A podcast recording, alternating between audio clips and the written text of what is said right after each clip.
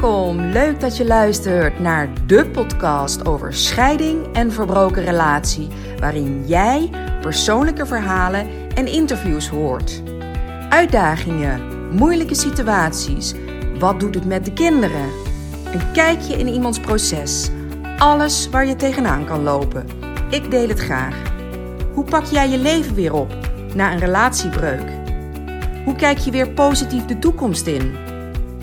Hoe kan je met eenvoudige stappen houvast krijgen? Rust, vertrouwen. Dat is waar het mee begint. Ik heb er heel veel zin in.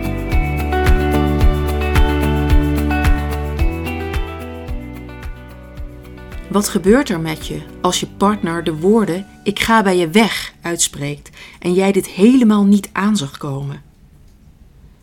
Alsof ik een dolk in mijn maag kreeg de grond verdween onder mij vandaan.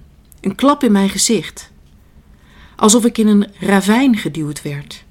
Als vuilnis aan de straat gezet. Zo werd het veelal omschreven. Vernederd, verraden. Als de mededeling als een donderslag bij heldere hemel kwam. Ik ga weg. Ik wil niet meer. Ik voel het niet meer. En daar sta je dan, na al die jaren huwelijk, in een diepe schok. De toekomst die jij zag, wordt niet gedeeld door je partner. Degene met wie jij verder wil, kiest voor een andere invulling van het leven. Dat is een grote klap, die ontreddert en ontwricht. Alles waarvan jij dacht dat zeker was, waar jij je leven omheen bouwde en je toekomst op baseerde, wordt plotseling opgeheven, je basisveiligheid in duigen. Wat is jouw reactie? Hoop? Dat het bijtrekt? Woede? Of ontkenning? Doen alsof er niets aan de hand is. Laconiek. Aangeven, ja, dit is inderdaad het beste voor ons beiden. Of zelfverwijt, boos op jezelf, ontredderd, op zoek naar jouw aandeel, naar je fouten.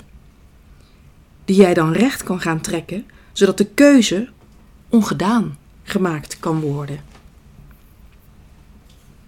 En dan komt het gitzwarte verdriet.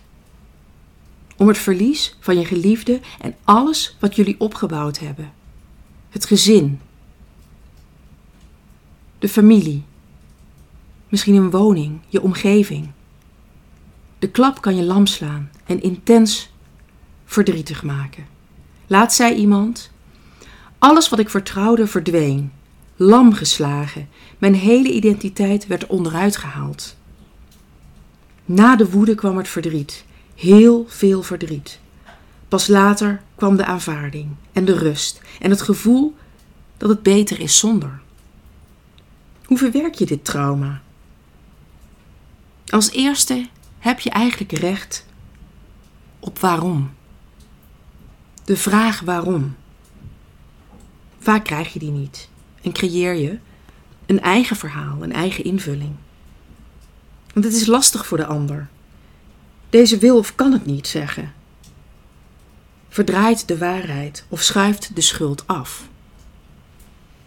Neem afstand. Hoe langer het afscheid hoe moeilijker het is. En soms is het niet praktisch mogelijk, en zeker als de kinderen in het spel zijn, maar neem echt afstand en zie elkaar even niet. En tijd. Neem de tijd. Tijd heelt geen wonden. Maar het leert ons wel met het verlies om te gaan. En weet ook dat de beslisser al veel eerder met het proces is gestart. Dus het afscheidproces startte al voordat de beslissing werd genomen. En de geconfronteerde moet hier nog aan beginnen. En ik heb wat voorbeelden uit de praktijk. Mijn man gaf wel eens aan dat er weinig tijd voor elkaar was. Werk en kinderen. Dat was wat, wat ons opslokte. Hij zei dat hij dit niet lang kon volhouden. Dat gaf hij wel eens aan. En ik dacht altijd, als deze periode voorbij is en de kinderen groter zijn, dan komt het wel goed.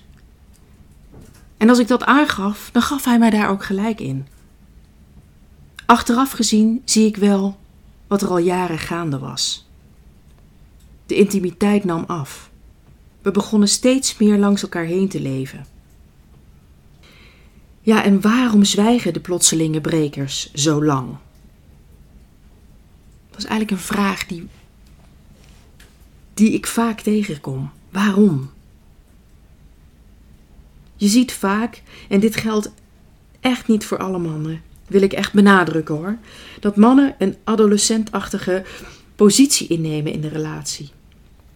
Hij voelt zich niet sterk genoeg. Hij maakt van zijn vrouw een soort moederfiguur in plaats van een gelijkwaardige partner. Vrouwen zijn in deze periode meer moeder en werknemer en te weinig partner. In een gelijkwaardige relatie zou dit oplosbaar moeten zijn. Het kan in ieder geval besproken worden, zodat er een kans is om er wat aan te doen. Doorgaans lukt het vrouwen wel aan te geven dat er iets wringt. De wegloper die radicaal breekt, vlucht weg van een leven waarin hij of zij zich diep ongelukkig voelt. Soms gaat die vlucht naar een nieuwe verliefdheid. En die verliefdheid kan de druppel zijn om eigenlijk openlijk, eindelijk openlijk te zeggen wat op het hart ligt. En zo is de stap gerechtvaardigd, vindt men. Plotseling verlaten worden voor een ander betekent acuut en diep verlies. Je partner die verder gaat zonder jou, alsof jullie connectie niets voorstelde. Pure rouw is waar de verlatene doorheen gaat. Overleven, keihard werken is wat men doet. Niet instorten, alleen al voor de kinderen. Van binnen voel je je dood. Voor deze acute noodsituaties sta ik altijd meteen klaar. Maak ik meteen ruimte in mijn agenda. Mocht jij behoefte hebben aan een vangnet, aan een klankbord. Ik heb hier zoveel ervaring mee. Ik kom dit wekelijks tegen. Ik kan je handvatten geven voor die eerste hulp die jou rust en houvast geeft. En tot 4 januari bied ik een gratis persoonlijk gesprek aan. Neem even contact met me op via de mail kara.karakers.nl en Kara is met een K. Of je stuurt even een privébericht via Instagram of Facebook. Dus tot 4 januari bied ik een gratis persoonlijk gesprek aan. Heel fijn dat je luisterde naar deze nieuwe aflevering. Ben je geïnspireerd geraakt en vind jij het ook zo belangrijk dat anderen zich gesteund voelen door deze verhalen, zich erin herkennen? Ja, want je bent niet de enige. Laat dan een review achter in bijvoorbeeld iTunes. Of deel het door middel van een screenshot op Instagram of Facebook. Daarmee help je mij, maar vooral anderen. Dank je wel voor het luisteren. Tot in de volgende aflevering.